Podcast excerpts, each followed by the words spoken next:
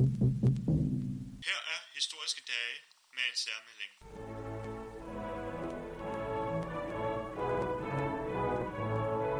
Velkommen til. Du lytter til Historiske Dage. Jeg hedder Ulrik Volter og sidder med to historikere, Emma Rønberg og Jens Ulrik Nielsen fra Kulturen Nu. Dette er tredje og sidste afsnit om helte og skurke i Danmarks historie. I sidste afsnit hørte vi om landsforræderen Korfits Ulfeldt, og i dette afsnit vil vi stille skarpt ind på en anden mand, nemlig Peter Schumacher Griffenfeldt, der også blev dømt til døden som en gemen landsforræder. Men hvem var han? Og var han virkelig en skurk? Jamen, Griffenfeldt, han var søn af en vinhandler og blev universitetsuddannet. Han var lidt af et vidunderbarn. Han øh, kom på universitetet som 12-årig. Øh, og efter han var færdig med det, så drog han til udlandet og var væk. Og så kommer han tilbage i 1662, da en helt ny verden har åbnet sig for en universitetslært mand. For der har vi fået indført enevælden, og det betyder, at selvom han er søn af en vinhandler, så kan han nu komme ind i embedskredsen omkring kongen. Og da hans far er leverandør til hoffet, så øh, er der lidt forskellige forvinklinger der. Og han starter som bibliotekar for Frederik den 3., og arbejder sig stødt, men sikkert op igennem embedstitlerne, indtil han bliver rigskansler.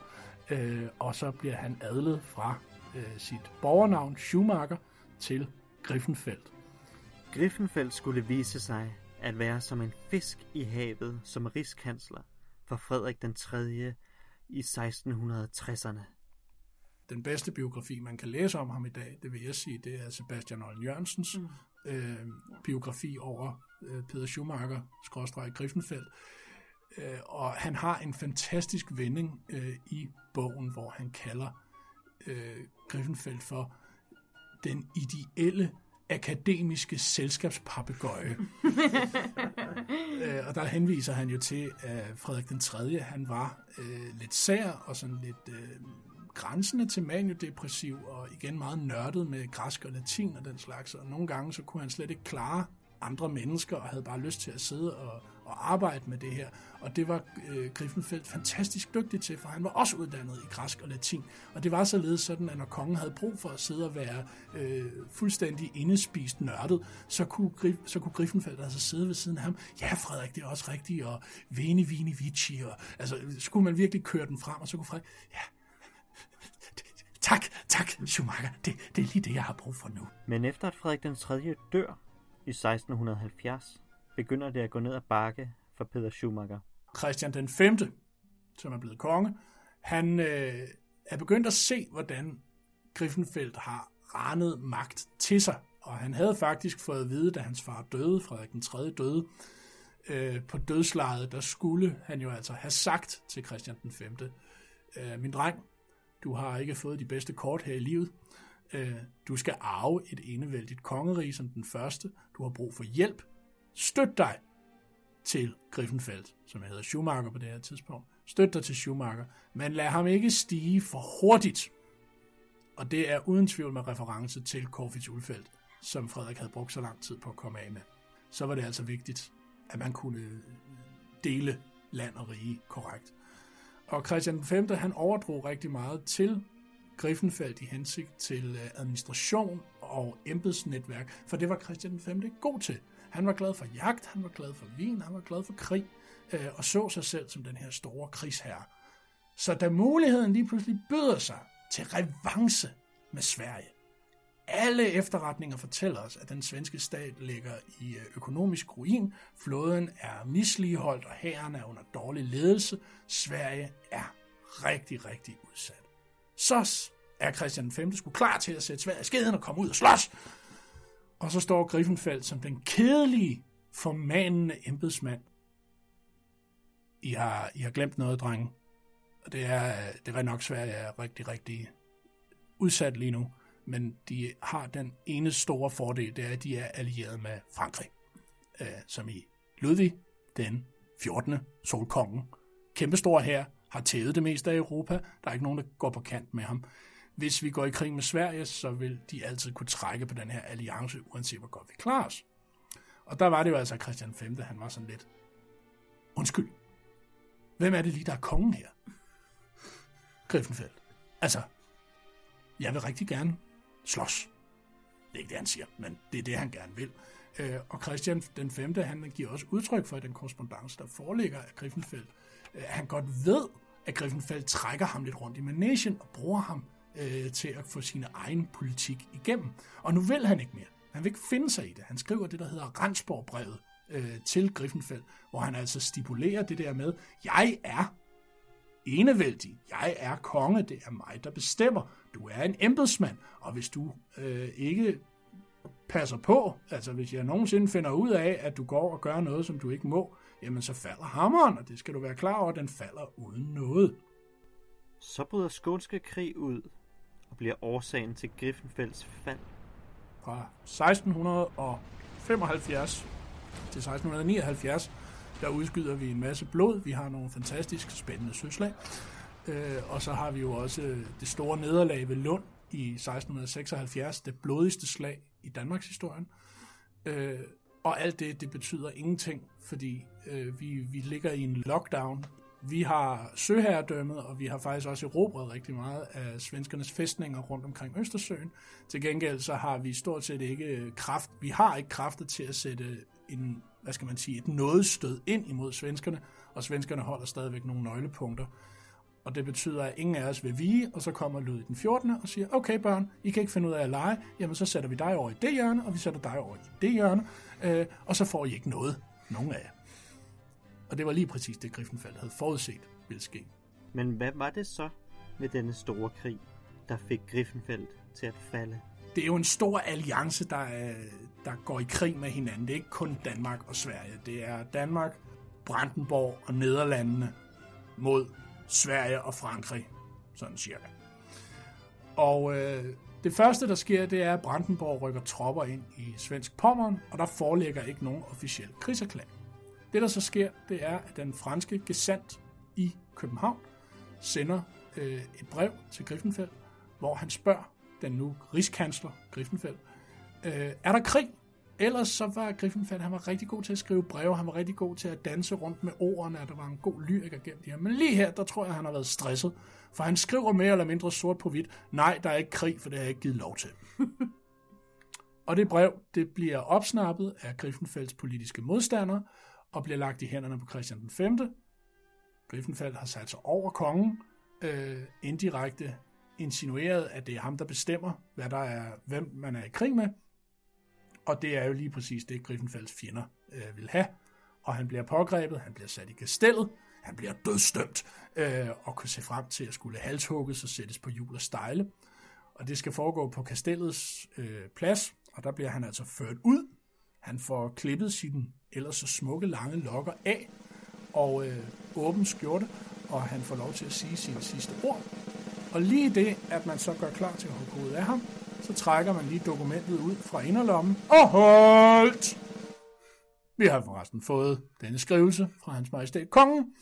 Du skal ikke dø, du skal blot på livstid i fængsel. Øh, og det var jo så Christian den 5., der lige trykker Griffenfeldt helt ned i jorden og minder ham om, tror du virkelig, at du skal få lov til at blive politisk martyr?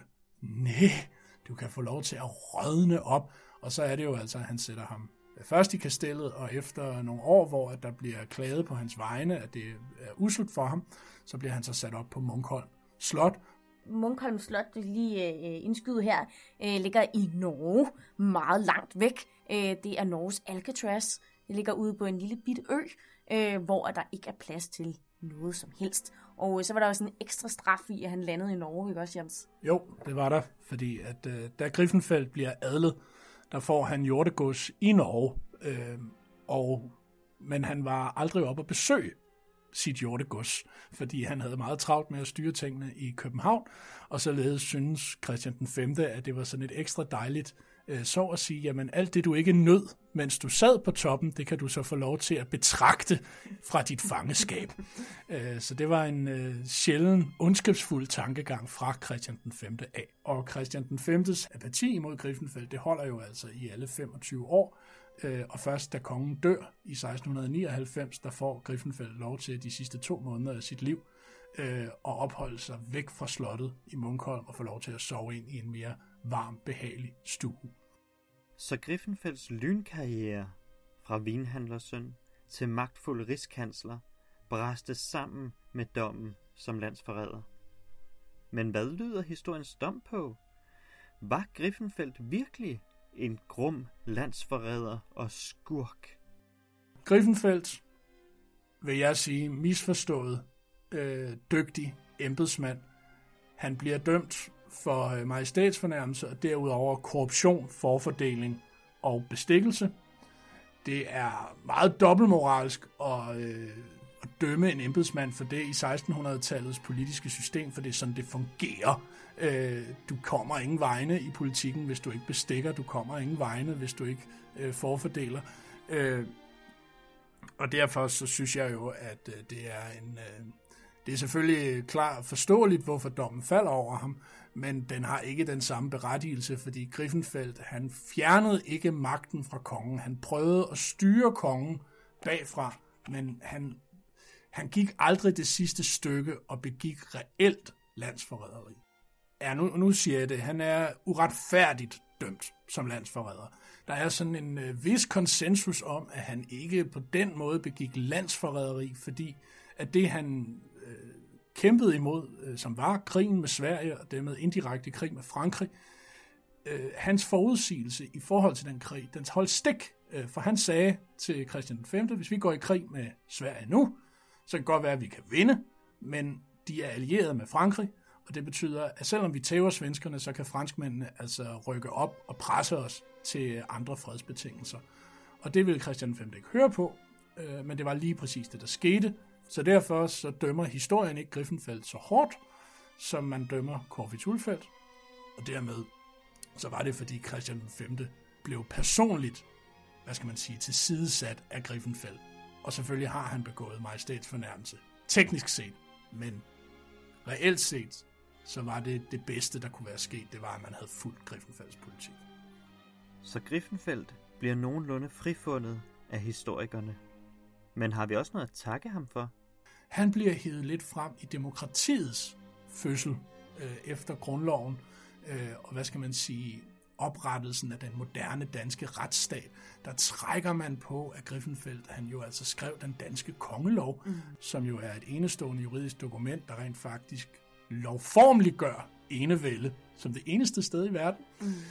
øh, som også danner grundlag for, hvad skal man sige, moderne jura øh, i Danmark. Og, han og bliver, embedsværket. Og embedsværket, ja. altså det danske embedsværk, den danske stat, bliver simpelthen tilskrevet øh, Griffenfeldt.